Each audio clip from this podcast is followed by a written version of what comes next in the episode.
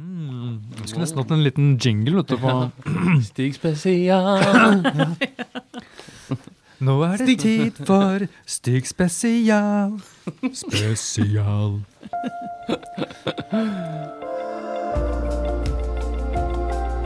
Velkommen til Vinmonopolets podkast.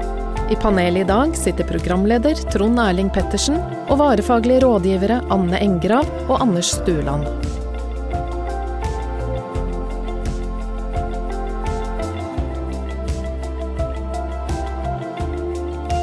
Hallo, hallo, til podkast. Og eh, spesielt velkommen til eh, Stig Furu, som ikke er her i studio i dag. Det er det Anne og Anders som er. Men kanskje han hører på? Ja, det får vi håpe.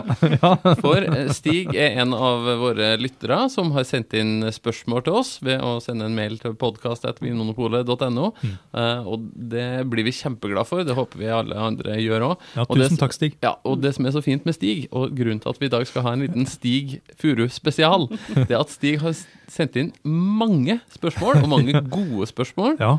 som vi eh, gleder oss til å svare på. Eller dere har jo ikke sett alle spørsmålene engang, så jeg vet ikke om dere gleder dere eller gruer dere. Jeg gleder meg. Ja, Ja. for det, det jeg tenkte nå, at nå bare går vi gjennom de spørsmålene Stig har sendt inn til oss, Ja. og så svarer vi på dem. Noen kan vi kanskje ikke svare på i det hele tatt. Så da Nei. får vi bare Nei, si det- det, vet vi ikke. Men, eh, men vi skal gjøre så godt vi kan. Det gjør meg enda mer spent altså, når du sier at kanskje Ja. ikke kan svare på det. Ja. Ja. Eh, Det første vet jeg at Anne i hvert fall kan eh, svare på. Det første spørsmålet til Stig Tyskland. Riesling. Dessert. første spørsmålet fra Stig er ehm, Hvis klimaendringer gjør at man enklere kan dyrke druer i Norge i fremtiden, vil Norge kunne bli et nytt vinland? Hvor i Norge ville det vært mest naturlig å starte vinproduksjon i forhold til klima og jordsmonn? Anne Engrav. Altså, skulle tro det var meg som hadde sendt inn spørsmålet sjøl. Ja, for jeg har jo en liten vinmark. Ja. Ja. Nettopp for å teste ut hvor langt klimaendringene kommer. I Sørlandets smilehull. Eh, Nei, ikke helt For porten til Europa. Kristiansand. Porten. Er det er det der? Ja. Hva er det som er Sørlandets smilehull? Det er Tvedestrand. Det er Tvedestrand, ja. Akkurat. Ja, nei, I Kristiansand så har jeg testa ut um, 100 Riesling-planter på Ja. friland. Mm. Og, eh, Friland, hva betyr det? Altså at ikke det, eh, det er ikke i ute Ikke drivhus. Ikke Ah, drivhus, ja. og ikke inntil en vegg heller neste år. Ja, liksom helt Frittgående planter. fritt. Og så langt så er det ikke mulig å få modning på de druene der. Nei. Det Men du var jo så nære et år. Det var, et par, var det et par år siden. Det var sånn det, perfekt sommer. 2014. Ja. Det var så varmt, og det var så tidlig varmt, og det var så seint varmt, Mm. at uh, druene ble modne, men da rakk jeg ikke å høste inn før fuglene kom og spiste dem. Ja. Ja. Men eh, så Altså, hvis klimaendringene fortsetter i den litt negative retning det går, Ja, det jo- så ja. Mm. kan Norge kanskje bli et vinland i framtida. Ja, og så vil jeg også legge til at eh, min, eh, mitt lille prosjekt er en sånn mikro-hobby-stadie. Men eh, det fins jo nå flere som har satsa litt kommersielt på nettopp druer for Mm. å lage vin. Mm. Men da bruker de en annen drueplante enn den som vi kjenner fra de mer klassiske vinområdene. Mm. Sånn type vinplante som er tilpassa kjølig klima. Ja. Så, Så da- der er vi allerede. Ja. Og da er det eh, druetyper som heter Solaris og Rondo og sånne som er på en måte spesialtilpassa norsk eh, klima. Ja. Eh, Riesling, Pinot Noir, Cabernet Sauvignon, Chardonnay og de store er foreløpig ikke Nei, det blir vanskelig igjen, Ja. som vi har erfart. Ja. Det, har jo, altså, det var jo et forsøk med pinot noir for en del år siden, Mm. um, og så Cuvée Munch. Det Ja, gikk, eh, og så, men så er det Det produseres jo vin allerede i, mm. i Norge som er eh, tilgjengelig på Vinpolet. mm, musserende vin, blant annet. Mm. Eh, og så spør jo eh, Stig her hvor i Norge er det naturlig å starte vinproduksjon?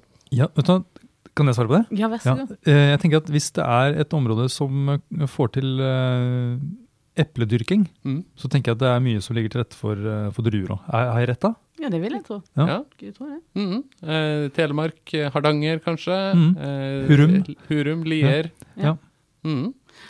Ja. Mm. Egentlig stort sett der det er litt mildt, ikke for harde vintre. Ja. Og eh, sjanse for bra med sol og, og varme. Mm. Mm. Em, ja. Eh, også neste spørsmål. Skal vi gå videre til det? Ja.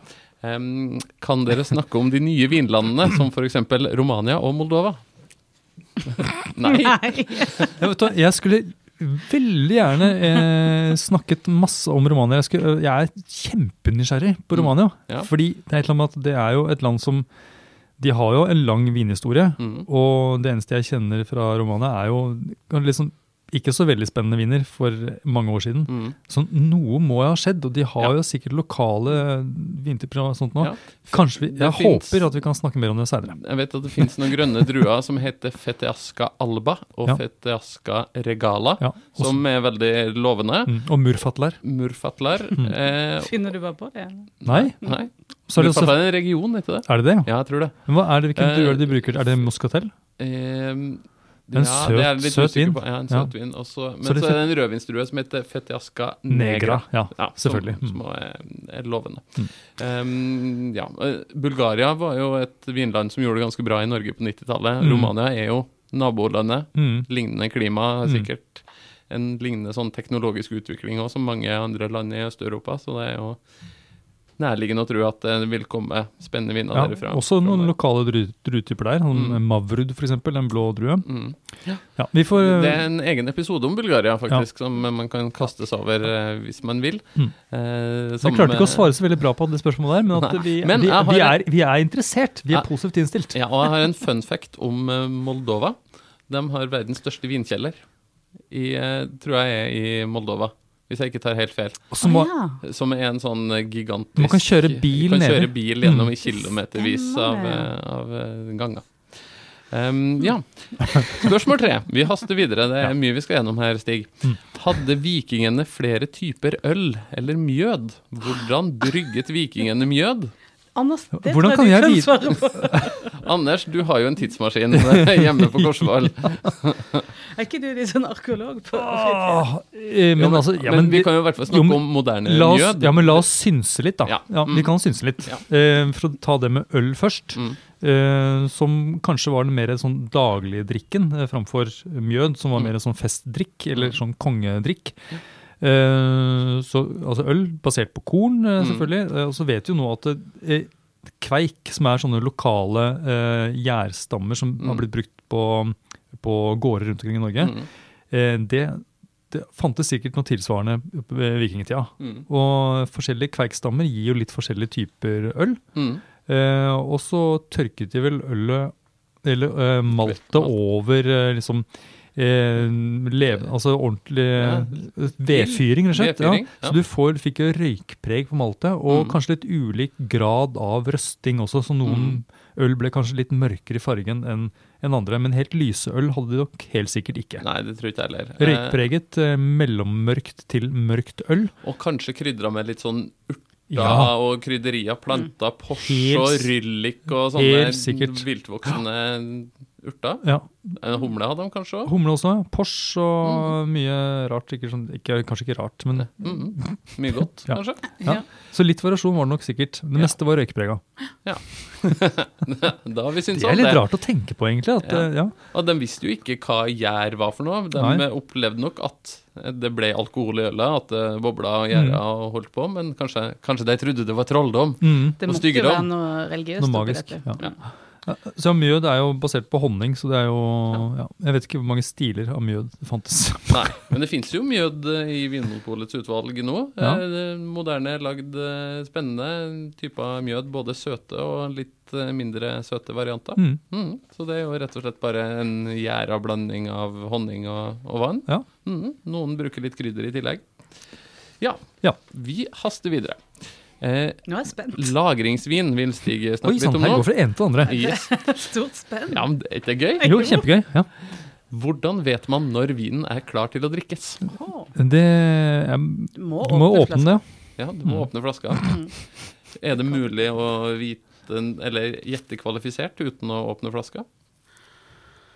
Eh, ja, det er jo det. det. Det går jo an å så, mm, tenke seg at noen vintyper vil kunne ha et lengre liv i flaska enn enn andre. Mm, Som for Mens, eksempel eh, som for eksempel altså sånn rød bordeaux, eller eh, av de tørre vinene, eller også eh, søte viner med litt høyere alkohol. De har veldig langt eh, Mm. liv. Eh, årgangsportvin osv. Årgangsportvin ja. og Mm. sånn.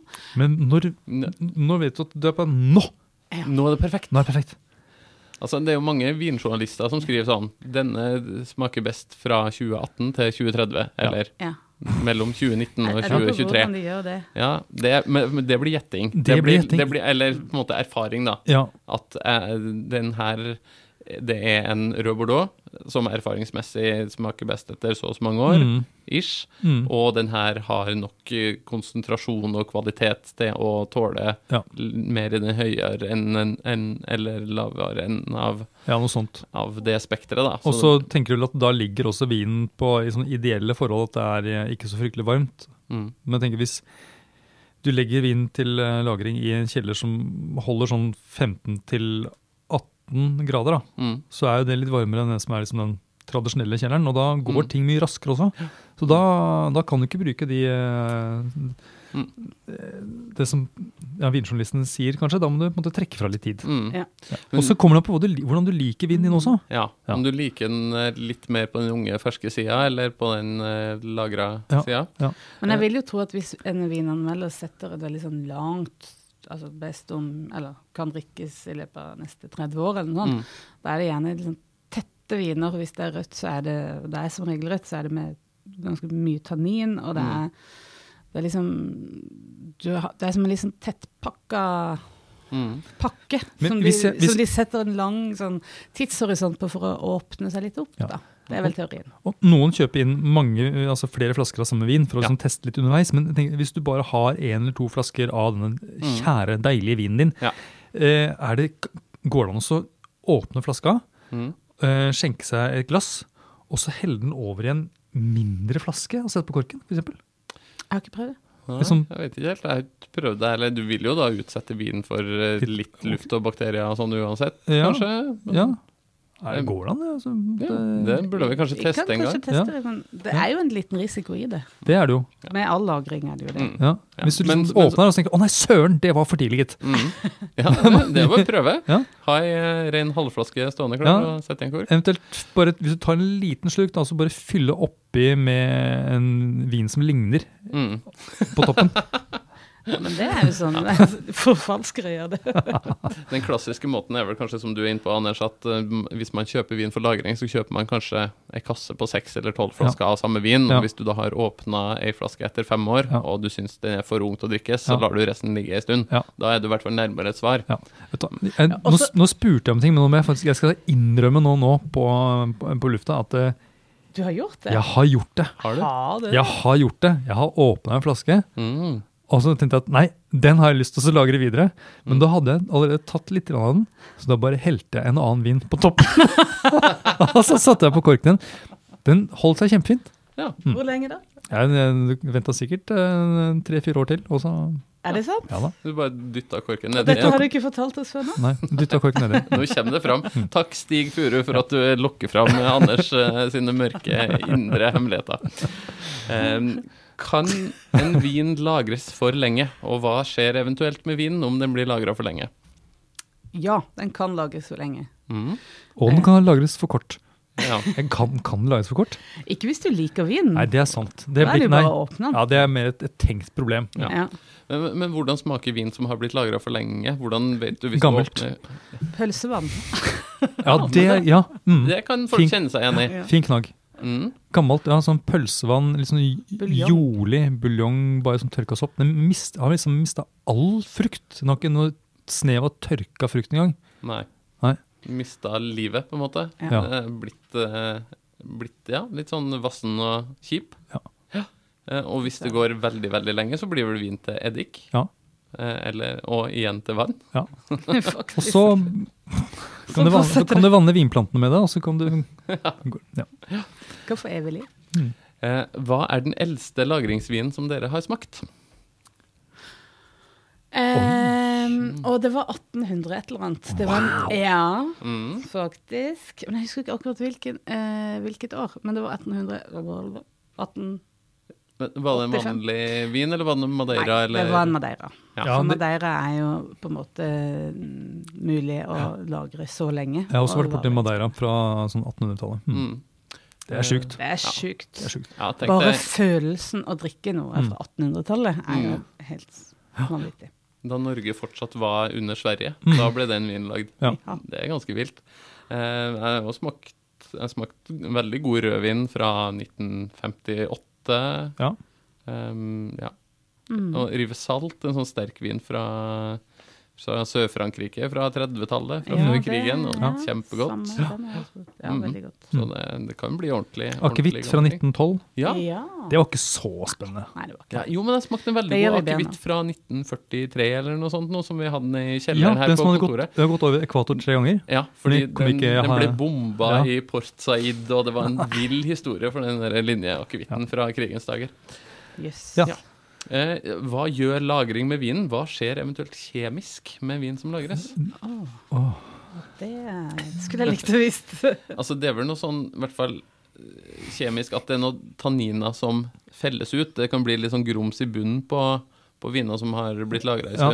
Mm. Så det er rett og slett at, at tanninmolekylene De endrer seg, og noen felles ut. Ja. endrer seg og blir litt sånn klumper som felles ut i bunnen. Ja, Så er det litt diskusjoner om, måte, om vin da blir mykere, eller om den på en måte beholder snerpen. Det er nok litt Ja. forskjellig. Mm. Og Så endrer vin farge når den lagres. Ja, Og noe syre kan også felles ut. Ja. Um, Ja, Men da- skal det ligge lenge, skal det ikke? ja. Mm. Og så er det at hvis det er um, sukker i vinen, så er det en sånn, noe som kalles for Maillard-effekten.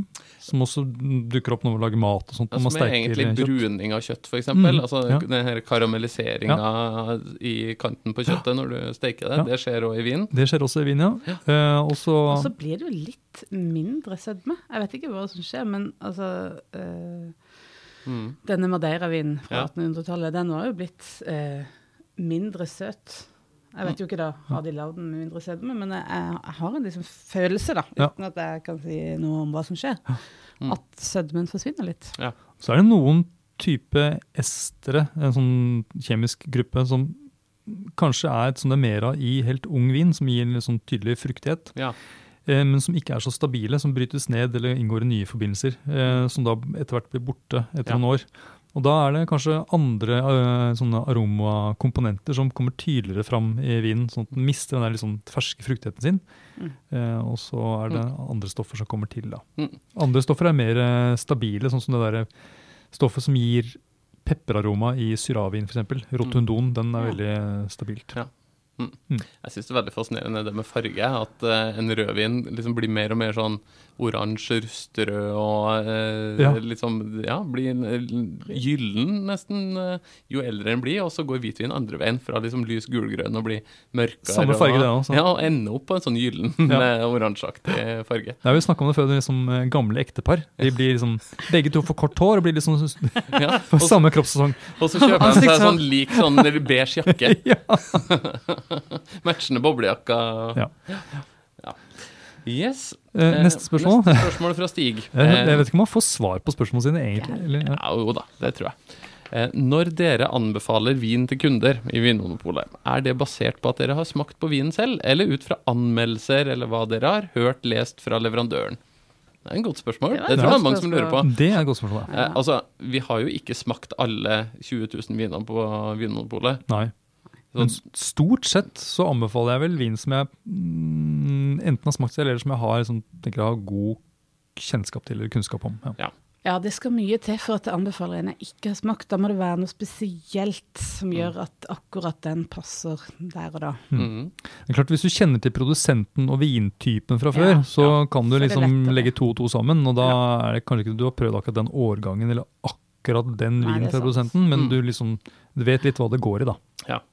For årgangene skifter jo hvert Mm. år. Ja, det, men det tror jeg gjelder alle på Vinmonopolet. Mm. At øh, vi, øh, vi, som, vi er, setter stoltheten vår øh, i dette her. Ja. Mm. Vi, Så, ja, så vi vi, driver ikke og tuller. vi finner ikke på ting. Nei. nei, nei, nei. Nei, da spør vi heller noen andre. Ja, og så er det ikke vi- nødvendig, for det er så mye å velge mellom. Man har smakt så mye Mm. at mm. man kan eh, like gjerne Ja. noe man sjøl har smakt. Men Mm. hvis det er en vin du får spørsmål om, og så har du ikke smakt den, hva Mm. gjør du da? Da er jeg så ærlig å si at denne her har jeg ikke smakt, men jeg kan spørre noen. Mm. Ja, eller si at men pga. av at den er lagd sånn og sånn, med bla, bla, bla, bla, bla, bla så Mm. vil det sannsynligvis være sånn og sånn. Ja. Mm. Ja, fint. Ja. Uh, neste spørsmål. Finnes det alkoholfrie viner som kan være minst like gode som sine kollegaer med alkohol? Der kan jeg Svaret Ja, ja, vær min, min, ærlig. min erfaring er nei. Mm. Dessverre. Mhm. Jeg fikk ikke helt med meg alkoholfrie Viner. viner, ja. Ja. Nei, det Men det fins alkoholfrie produkter som Mm. er uh, like matvennlige og spennende og gode å drikke som, som vin. Mm. Hva, Med alkohol. hvilke da? Ja, eplemost spesielt. Mm. Mm. Men det kan godt være blandet inn med forskjellige typer frukt eller eh, Mm. grønnsaker. Mm. Men det ligger kanskje litt sånn i, i produksjonsmetoden at når du tar bort noe For Ja. alkoholfri vin er jo på en måte lagd som en vin, og så tar man bort alkoholen Mm. i etterkant. Og Ja. da, da skjer det jo noe. Da får du med deg smaksstoffer, og det, du endrer på en måte produktet på et vis. Det er sant. Og så er, er vin kanskje et litt mer sånn ustabilt produkt i utgangspunktet. At det er kanskje lettere å få lagd et alkoholfritt øl som smaker mer likt som mm. et ordentlig øl. Ja. Um, ja. Ja. Uh, hva bør man ta hensyn til når man skal velge alkoholfrie varianter av viner? Alkoholfrie varianter av viner.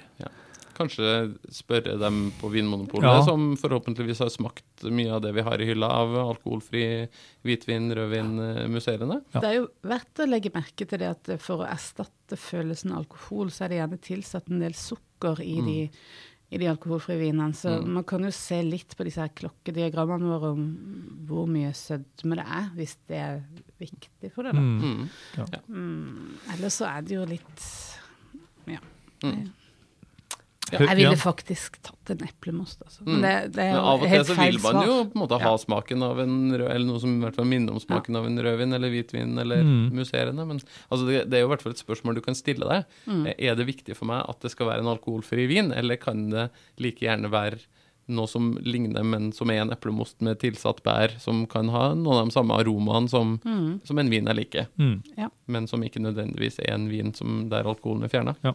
Mm. Ja, men jeg er jo enig at det fins jo noen alkoholfrie viner er, tenker jeg er mer vellykket enn andre. Ja så, så spør uh, en som jobber uh, i, i en av Vinmonopolets butikker. Mm. Ja.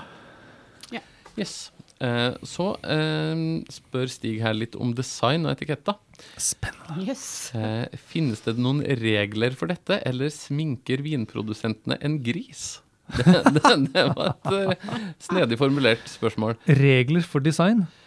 Eh, ja, altså i EU så er det jo et krav om at det skal stå alkoholprosent, mm. for eksempel. Det må det stå. Ja, Og så må det stå hvor vinen kommer fra. Ja. I hvert fall opprinnelsesland. Og eh, hvis du skal kunne kalle en Bordeaux, så Mm. må den komme fra Bordeaux. Ja. Det er noen først- sånne typer regler. Ja, det er først og fremst teksten som Ja. det er regler for. Men så finnes det jo også det lokale regler. altså Alsace, Mm. eh, den vinregionen i Frankrike, har, har jo vært litt sånn konservative. Så de, de har jo ikke tillatt f.eks. bag-in-box. Mm. Eh, Det, det er ikke lov hvis du skal merke vinen som en Alsace-vin, så kan Mm. den ikke tappes på bag-in-box. Ja. Og skrukork har vel også vært et problem. Ja.